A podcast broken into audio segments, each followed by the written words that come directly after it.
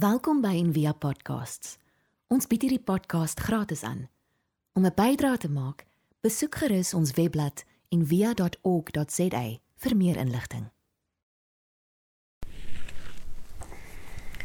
Goeiemôre en 'n geseënde Kersfees.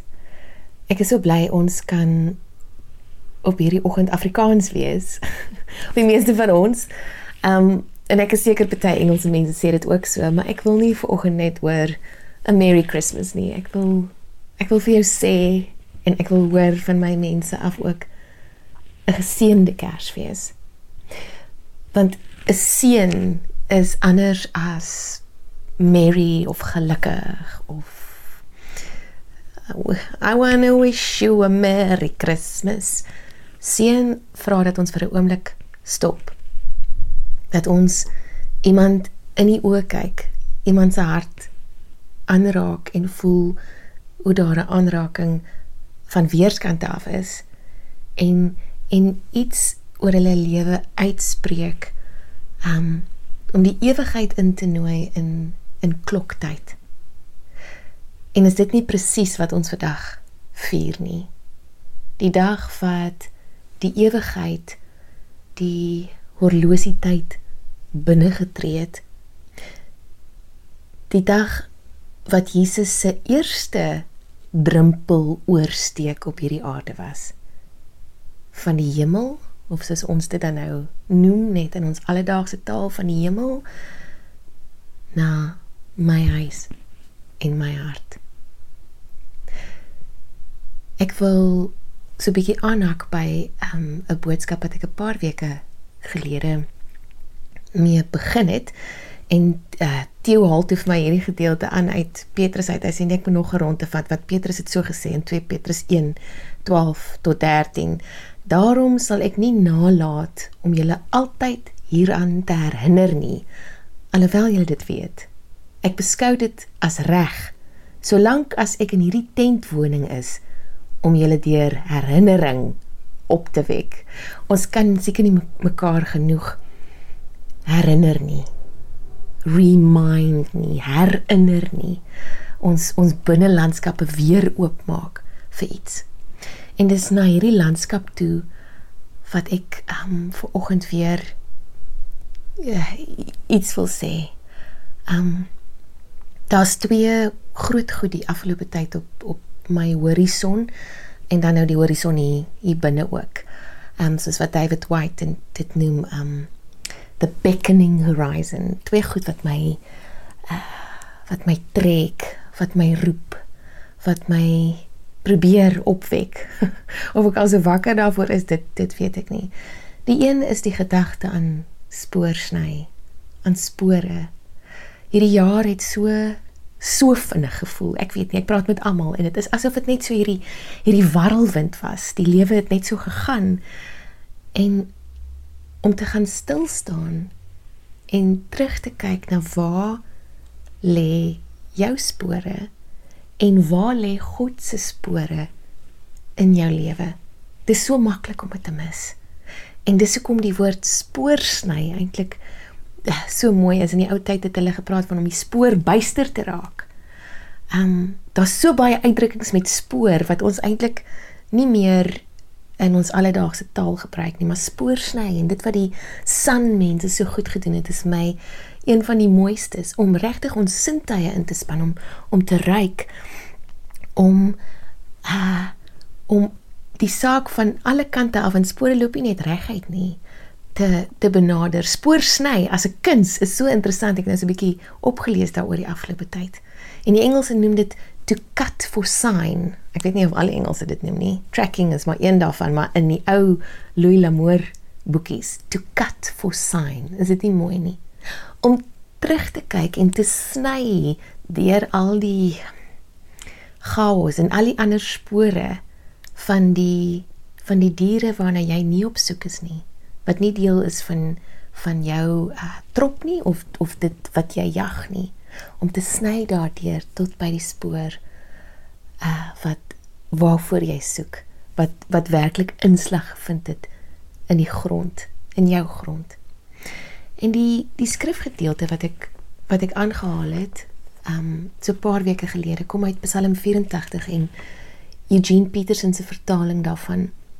How blessed all those in whom you live whose lives become roads you travel. Hoe geseënd is almal in wie u leef. Wie se lewens baie word waarop u reis. En hoe anders is dit nie as om te dink ek is nou hierdie totale solo pelgrim op hierdie lewensreis waarop ek is. Om te dink my lewe is die pad, 'n pad, een van die paaie waarop God reis. Waar het God hierdie jaar in jou lewe gereis? As jy terugkyk, waar lê God se voetspore? En dan die Afrikaans, um, die 2020 vertaling sê so gelukkig is mense wie se krag in U lê. Die pelgrimstogte leef in hulle gedagtes. Die pelgrimstogte leef in hulle gedagtes.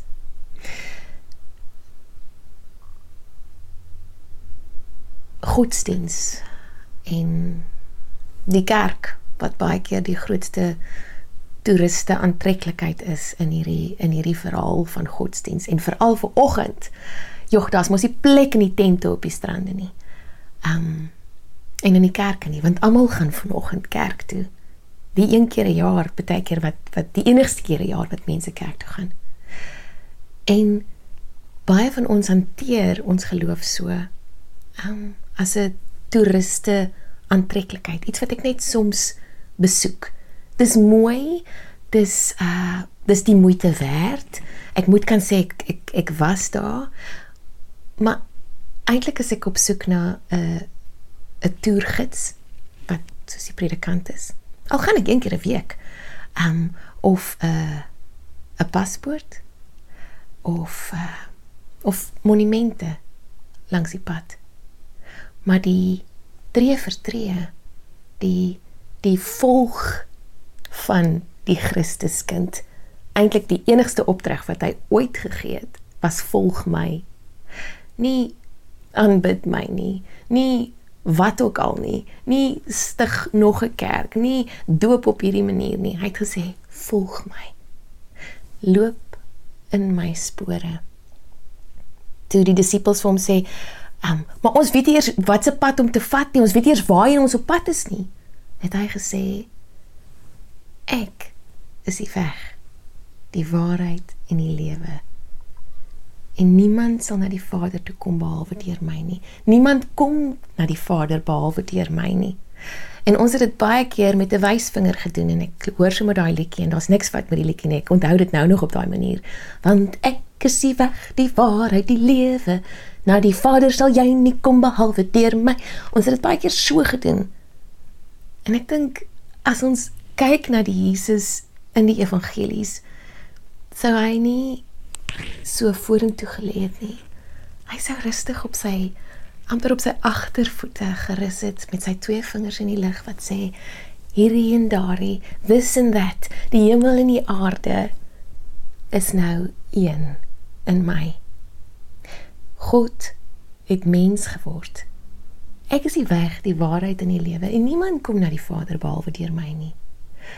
Wat as dit nie 'n dreigement was nie, maar 'n feit? 'n Uitnodiging en 'n gegewe. In die in Psalm 84 in die 2020 vertaling en daarmee wil ek afsluit vir oggend met hierdie hierdie idee soos waarmee ek begin het met die die drempel in Engels die die threshold. Um Jesus het hierdie threshold, hierdie drempel betree en oorgesteek vir die eerste keer meer as 2000 jaar gelede wat ons vandag vier en ons wag op die tweede oorsteek van die drempel.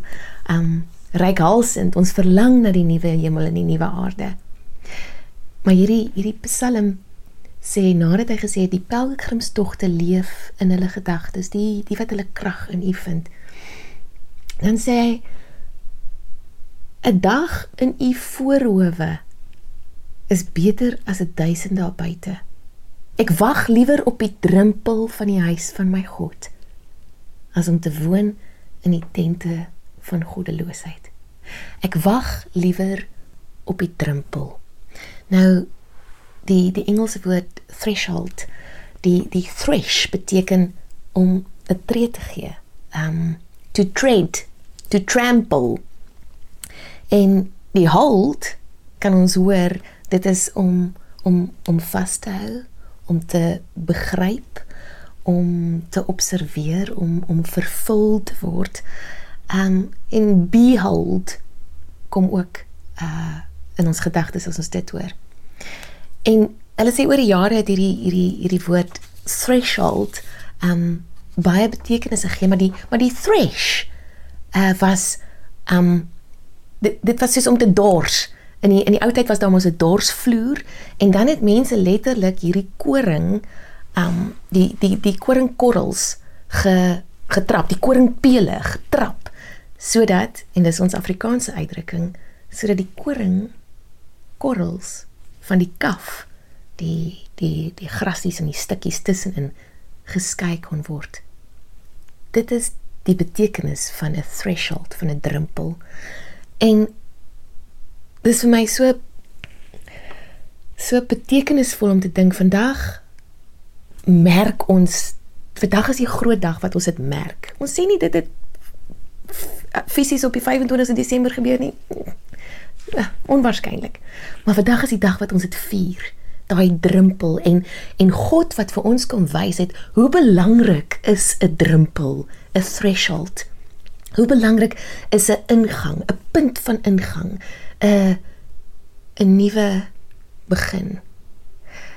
En um, ek ek leer dit dikwels vir onderwysers, vir drama en musiekonderwysers as ek werkskole aanbied om 'n drempel ervaring te skep vir hulle leerders wat nou van wiskunde afkom of ekonomie of wat ook al van van kloktyd af van uh, van somme van berekening dan moet 'n drempel ervaring wees vir hulle om in in hartspasie in te gaan in verbeeldingrykheid in te gaan van van die wiskunde na die na die na die speel van die kop na die hart.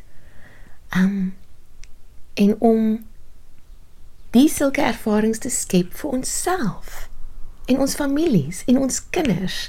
Ek dink hoe hoe verwag ek my kinders kom van die skool af en ek bestook hulle met hoe was dit? Wat het jy vandag geleer? Met wie het jy vandag gespeel? Nog vra. Daar's geen drempel geskep vir hulle om in hulle eie huis in te kom nie. Hoe kan hoe kan ons hoe kan ons dit doen elke dag om vir onsself hierdie hierdie threshold te skep. Al is dit net wanneer jy deur wanneer jy die drempel betree van 'n nuwe kamer. In die oggend, die oggend en die aand is die groot drempels van ons dae om om dinge te vier, om te gaan stil staan en mindful, um bewustelik met ons volle selfers oor te stap na na 'n nuwe na 'n nuwe plek toe. Die woord um transition of oorgang is my amper uh te te min gelaai, te vol te te, te met met te min verbeelding as ons kyk na na na die storie en die werklikheid van vandag en en wat Jesus vir ons kom wys het.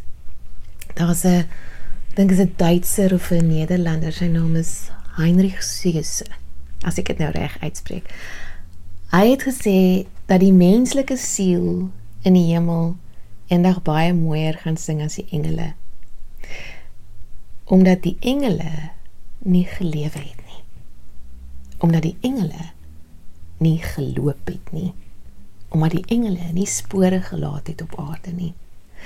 En dit is baie keer die gevaar van die geestelike reis of die geestelike ervaring om soos engele te wil sing, om soos engele te wil wees, om eintlik bo die aarde te sweef en nie die die pyn um en die die die drempels en uh, die daai trap om die koring van die kaf te skei om te weet waarop dit werklik afkom om nie daai deel te wil hê nie om Jesus nie te wil volg in die lewe nie maar net in die hiernamaals of na die hiernamaals. Ek hoop vandag en die res van hierdie lieflike tyd is vir jou 'n herinnering dat dit die dag is wat God gesê het. Dit is goed om 'n mens te wees. Dit is meer as okay of fyn om die pad van menswees te loop om om spore te laat op hierdie aarde. Ehm um, dat ons lewens baie mag word waarop God reis. En hy het sy seun gestuur soos die visarentjie van God soos MP van Wyklou dit verduidelik om in ons benoude vlees in te val en hierdie hierdie reis af te lê op aarde. Hierdie pad te loop dikwels skaalvoet om vir ons dit te kom wys. Um, ek het geen ander rede nodig om te weet vandag is 'n goeie dag nie mag jy 'n geseënde tyd verder hê en mag die die spore van hierdie jaar waar God in jou lewe geloop het duidelik vir jou word en mag jy die drempels en ook die drempel wat vandag is um, in oënskou neem en vier en oorsteek met met baie moed omdat jou krag in God lê. Kom ons bid saam.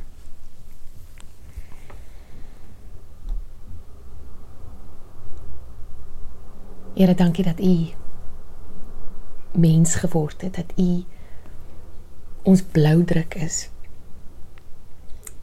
om om God se spore ook ook fisies deur U in in ons lewens te kan sien in mekaar se lewens te kan sien. Here maak hierdie hierdie dag 'n uh, 'n drempeldag. En maak ons vol moed en vrede en en vul ons met liefde om om hierdie hierdie drempel te kan betree en te kan oorsteek en om mens wees soos u met alles van ons sonder vrees en sonder fors, sonder geforseerdheid te doen. Dankie vir u genade en u liefde in hierdie wonderlike tyd. Amen.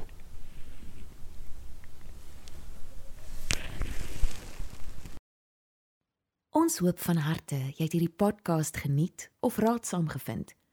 Besoek gerus en via.ok.za vir meer inligting.